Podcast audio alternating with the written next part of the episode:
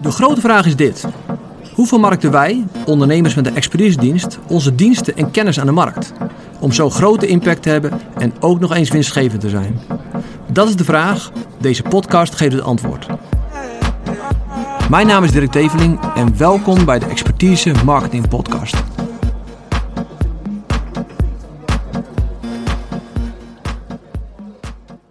Ik ga het vandaag hebben met je over tijd, over geld en over impact maken met je bedrijf. En laten we eerst maar eens kijken van uh, waarom is praten over geld in eerste instantie in Nederland altijd een beetje gevoelig. Uh, dat zijn we niet gewend. Ik heb in het verleden, of uh, in het verleden, maar ook nu, ik, heb, ik reis veel. Dus ik ben veel in het buitenland geweest. en dat is toch echt wel een beetje een cultureel ding in Nederland. ik ben bijvoorbeeld veel in Amerika geweest. En over geld praten in Amerika is heel gewoon. Uh, iedereen weet van elkaar wat je verdient. Ligt misschien een beetje aan welke staat trouwens, dat is ook een verschil, ook cultuur. Uh, maar vaak over geld praten, over dollars praten, geen probleem, heel normaal. Als Nederlander in de cultuur is er bijna een beetje rading. Nou gaat alles over geld en persoonlijk vind ik dat in Amerika wel heel veel over geld gaat. Maar en in Nederland is het bijna het omgekeerde. Het verandert wel en dat is positief. Uh, dus mensen vinden het gewoner om over geld te praten en uh, dat is positief. Maar hoe komt het nou? Nou, ten eerste, ik denk heel simpel dat het komt door ons Calvinistische uh, cultuur. en Calvijn heeft ooit gezegd van geld is slecht en doe maar normaal, dan ben je gek, gek genoeg, zeg maar, dat soort dingen. Dus hou iedereen een beetje klein, iedereen is gelijk. en dat had ook met geld te maken. en in die tijd is de Bijbel verkeerd gequote. Uh, en ik hoorde het gisteren iemand zeggen en die zei: Geld is de wortel van alle kwaad. Nou, misschien ken je die uitspraak wel. Uh, dat is verkeerd gequote. Dat staat niet in de Bijbel. Uh, de apostel Paulus zei: Geldzucht is de wortel van alle kwaad. Nou, dat is al een essentieel verschil.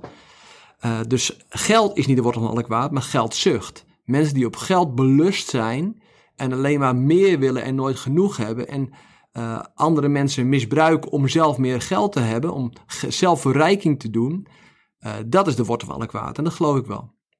Maar geld op zich uh, is neutraal. Want laten we even kijken wat geld nou eigenlijk is. vroeger was, nou, had je een, een, briefje van 10 gulden. Helemaal vroeger. En die kon je eigenlijk was een soort certificaat dat je kon inruilen bij de bank. En dan kreeg je een, een beetje goud. Nou, dat is al lang niet meer zo. Dat is lang losgelaten. Dat is niet, ons geld is niet meer gekoppeld aan uh, de, hoe de goudvoorraad bij de Nederlandse bank. Dat is losgelaten. Iemand zei al een keertje, we kunnen net zo goed dat goud verkopen. Uh, en daar geld voor krijgen, uh, want die koppeling is totaal los. dat kan je zien dat bijvoorbeeld de Europese Centrale Bank, de ECB, die kan gewoon geld bijdrukken. En dat doen ze natuurlijk niet fysiek drukken, maar ze kunnen zeggen, nou, we doen er even een uh, paar getalletjes bij in de, in de administratie. En dan kunnen we meer geld lenen aan de banken in Europa, zodat die weer meer geld hebben om uit te lenen aan ondernemers en, en de staat. Uh, dus geld, als we het heel puur bekijken, is het helemaal niets. Het is een getalletje op je bankrekening. Het klinkt misschien heel raar, het, het is niets, maar uh, het, is, het vertegenwoordigt wat. Want geld vertegenwoordigt je opleiding, uh, je baan, je bedrijf, uh, misschien ook wel uh, het vermogen van je familie of juist de armoede, de schulden van je familie.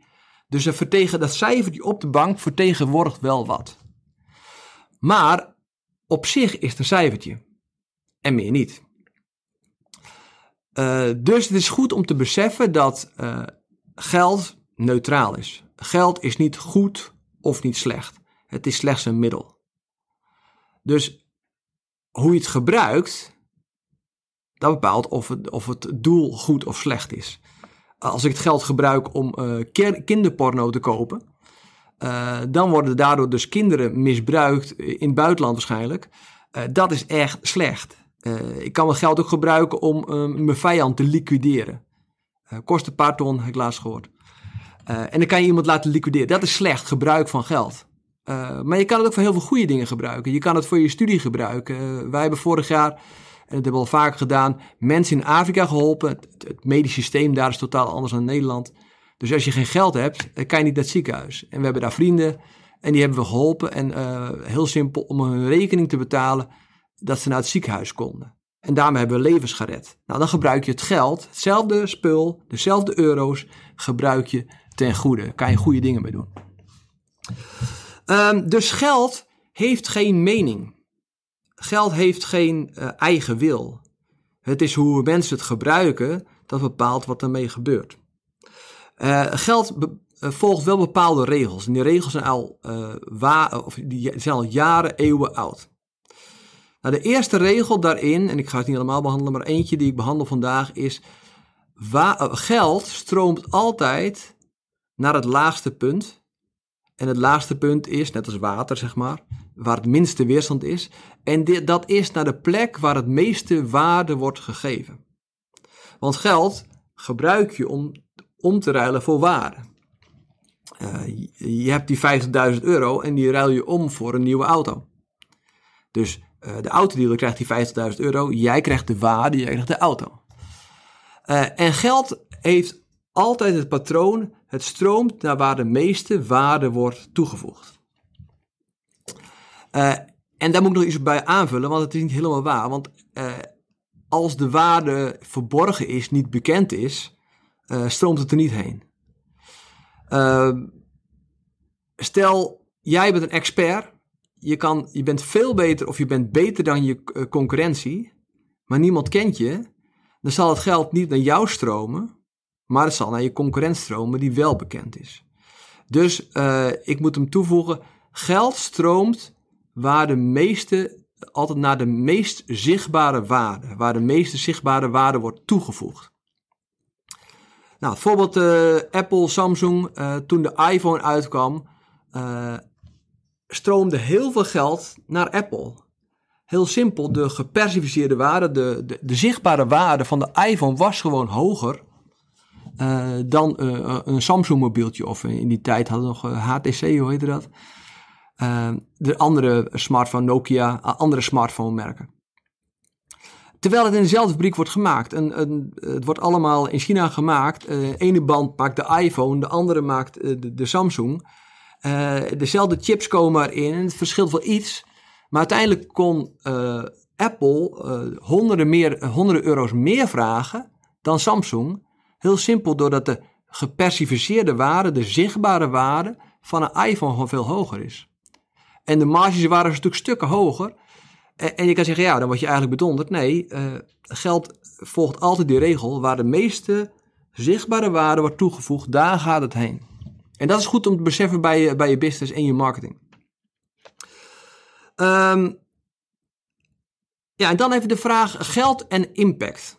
Dat is een tweede die wel leuk in Nederland is.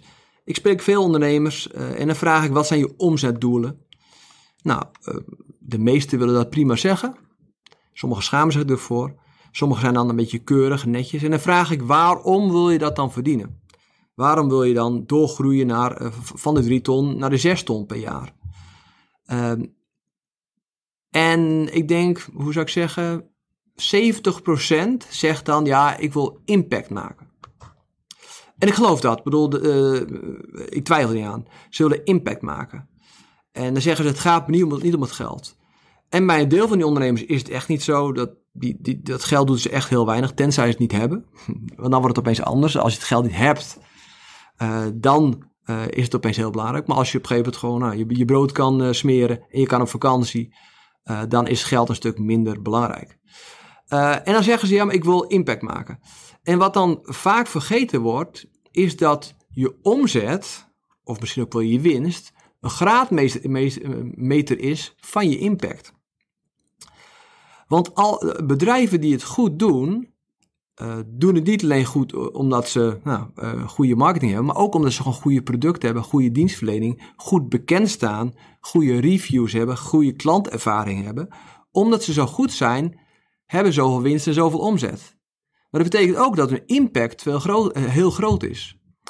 Dus uh, ik denk dat, je als, dat, dat impact en omzet slash winst altijd samen gaan.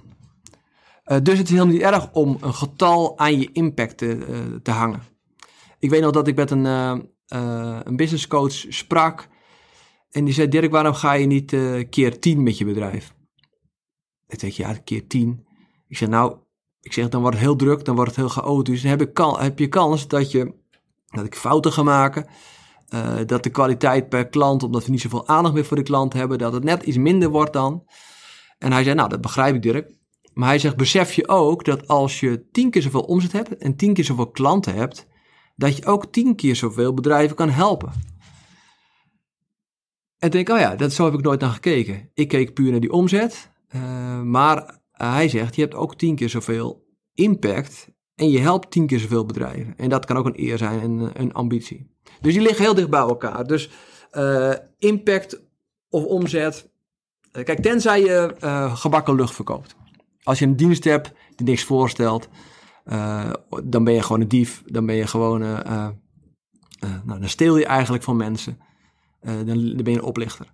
Maar ik ga ervan uit dat je het niet bent en de, de meeste van ons gewoon een, een, een serieuze dienst hebben uh, waarmee we echt bedrijven en klanten kunnen helpen. Um, ja, dan nog eventjes over uh, prijzen uh, en perceptie erover. Ik zie dat best veel ondernemers te lage prijzen rekenen. En ik zal het uitleggen.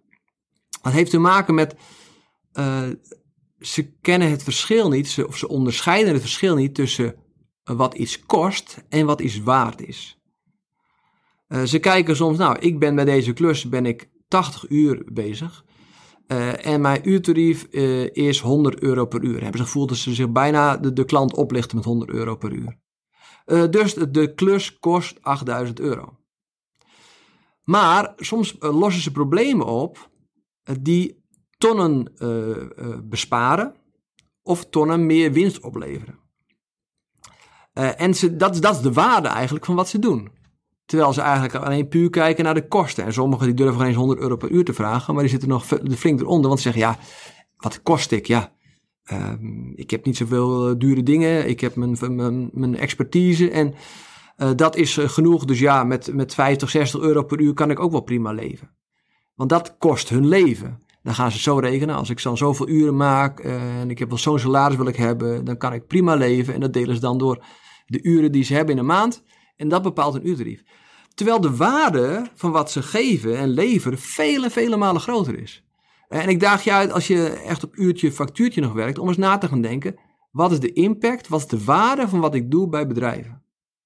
Uh, en die, die kan dus veel groter zijn. Dus ga eens nadenken over uh, een prijs vragen op basis van waarde in plaats van alleen wat het kost. Er is nog een nadeel als je een relatief lage prijs vraagt, uh, kan het zijn dat voor potentiële klanten uh, het niet overtuigend overkomt. Stel je bent op zoek naar een grachtenpandje in Amsterdam uh, en je kijkt op Funda en je ziet er eentje voor 50.000 euro. Nou, wat is dan de eerste wat je afvraagt als je dat ziet? Klopt, dan denk je, wat is er mis met dit pand? en zo is het met jouw expertise dienst ook. Als jij prijzen vraagt die onder de markt liggen of niet helemaal reëel zijn, dan kan het zijn dat potentiële klanten daardoor afhaken, omdat de perceptie niet klopt. Dan denk oké, je lost zo'n groot probleem op, je belooft zoveel en je vraagt er 2000 euro voor. Dat kan nooit goed zijn. Een grachtenpand van 50.000 euro kan nooit goed zijn. Dus denk er ook over na als je je prijzen bepaalt, want dat natuurlijk heeft alles met geld te maken. Oké, dan de laatste, tijd en geld. Ook een super interessante. Uh, iedereen kent de uitspraak: uh, tijd is geld. En wat ze dan bedoelen is van nou, uh, als ik dit zelf doe, als ik zelf een middag aan prutsen ben, dan kost het ook geld. alleen dat geld verdien ik niet, maar dat, nou, ik, ik zet het om in tijd. En, en, dat is een belangrijk aspect om altijd rekening te houden van als je dingen, nou, als je keuzes maakt. Het tweede is ook de tijds factor. Want uh, tijd heb je en kan je niet verdienen. Je hebt in je leven zoveel tijd. Je hebt met je team in de maand zoveel uur tijd. Je kan dat niet terugverdienen, je kan dat niet meer maken. Uh, tijd is fixed. Geld daarentegen, dat kan je terugverdienen. Als ik nu vandaag uh, eh, 10.000 euro investeer in iets goeds, kan ik het terugverdienen. En kan ik het misschien wel een keer 10 terugverdienen als het een goede investering is. Uh, dus je kan op een gegeven moment geld kan je sparen, dat kan je oppotten, maar tijd niet. Tijd loopt altijd door. En dat is wel heel belangrijk en ik zie dat, ik, dat, dat veel ondernemers daar de fout mee ingaan. Uh, een voorbeeld, ik sprak maandag een, een ondernemer, doet leuke trajecten, sales trajecten bij, bij grote partijen. Uh, en ik zeg, nou, hoe doe je nu je klantacties? Nou, hij deed veel koud bellen nog en uh, via LinkedIn contact maken en dan uh, nabellen. En, nou. Ik zeg, hoeveel uur kost dat? Nou, toen ging zijn rekenmachine ging erbij en toen ging hij rekenen. Nou, aan drie minuten later wist hij het. Het kostte hem 60 uur om één nieuwe klant binnen te halen. 60 uur. En hij was er zelf nog ineens heel erg geschokt. En ik zeg, 60 uur, ik zeg, naar mijn idee, uh, moet hetzelfde wat je doet in 5 à 6 uur kunnen. Als je je marketing voor je laat werken in plaats van alleen maar zelf sales te doen. Want hij ging dus heel veel mensen bellen. En natuurlijk hebben heel veel mensen geen, geen interesse. Want je hebt hem niet gemeten dat ze interesse hebben. Maar je, gaat gewoon koud bellen. En dan stuur je, stuur je wel een LinkedIn-connectie en dat scheelde dan iets. Maar dat zegt nog helemaal niks over of ze het probleem wel herkennen. Maar 60 uur. In het tweede deel van het gesprek hadden we het over adverteren. En ik vertelde dat wij wel eens dagen hebben dat we 800 euro per dag adverteren. En daar schrok hij van. Hij zegt, ja, dat vind ik belachelijk. Dat, uh, dat, ga ik nooit doen. Uh, maar hij besefte niet, hij snapte totaal niet dat dat geld hem een versnelling zou kunnen geven. Want, uh, nou, stel dat hij met die 60 uur één klant binnenhaalt. Nou, laten we even zeggen dat hij qua kosten dat, het vijf, dat die 50 euro per uur kost. Dat kost een beetje, een gemiddelde medewerker kost 50 euro per uur. Uh, keer 60 uh, eh, is dus, uh, moet ik even goed zeggen, 3000 euro. Dus 3000 euro kostte hem, in die tijd kon hij geen andere dingen doen, om die ene klant binnen te halen. Nou, ik geloof dat je, in, in, zijn geval, dat je zeker onder de 1000 euro adverteren een klant kunt binnenhalen. Betekent niet dat je er helemaal geen tijd meer aan moet besteden maar wel, natuurlijk wel wat, wel een aantal uur. Uh, maar hij, hij keek alleen naar, oh dat kost geld. Hij keek niet, wat levert dat op? Uh, tijd vond hij dan, uh, zijn eigen tijd, die 60 uur, vond hij waarschijnlijk heel goedkoop en waardeert hij helemaal niet zo erg. terwijl adverteren op LinkedIn voor 800 euro, dat vindt hij een slechte investering, dat is duur. terwijl, nou, met geld kan je eigenlijk tijd kopen, niet echt kopen, maar tijd besparen. Nou, daarom is tijd geld. En daarbij is nog een, een ander eh, aspect van tijd en geld, is... Um, ik zie veel ondernemers die zeggen, nou weet je, ik ga het zelf wel proberen. Uh, bijvoorbeeld over marketing hebben of een, een business verbeteren of personeel krijgen of wat dan ook. Um, en dat klinkt heel, heel mooi, heel logisch. Maar soms zijn ze maanden bezig met een probleem oplossen. Terwijl ze als ze wat geld zouden investeren, dat probleem misschien wel in één of twee weken hebben opgelost. En dat betekent dus dat ze eerder dat personeelslab hebben. Of eerder die nieuwe klanten. En ik zeg wel eens tegen mijn uh, prospects waar ik mee spreek. Ik zeg, uh, je kan kiezen voor langzaam. Dan kost het misschien een half jaar voordat je je eerste klant hebt. Uh, of misschien wel een jaar. Of je kan, maar besef dan wel dat je ook klanten misloopt vanwege de tijd. Dus soms is snelheid heel waardevol. Um, even kijken hoor. Uh, ik denk dat het uh, tijd is om af te sluiten. Ik kan nog veel over praten, maar dan wordt het uh, misschien te langdradig. Um, sommige mensen, en dat heb ik die fout ook gemaakt, zijn heel erg bezig met besparen. Die stoppen heel veel tijd in besparen.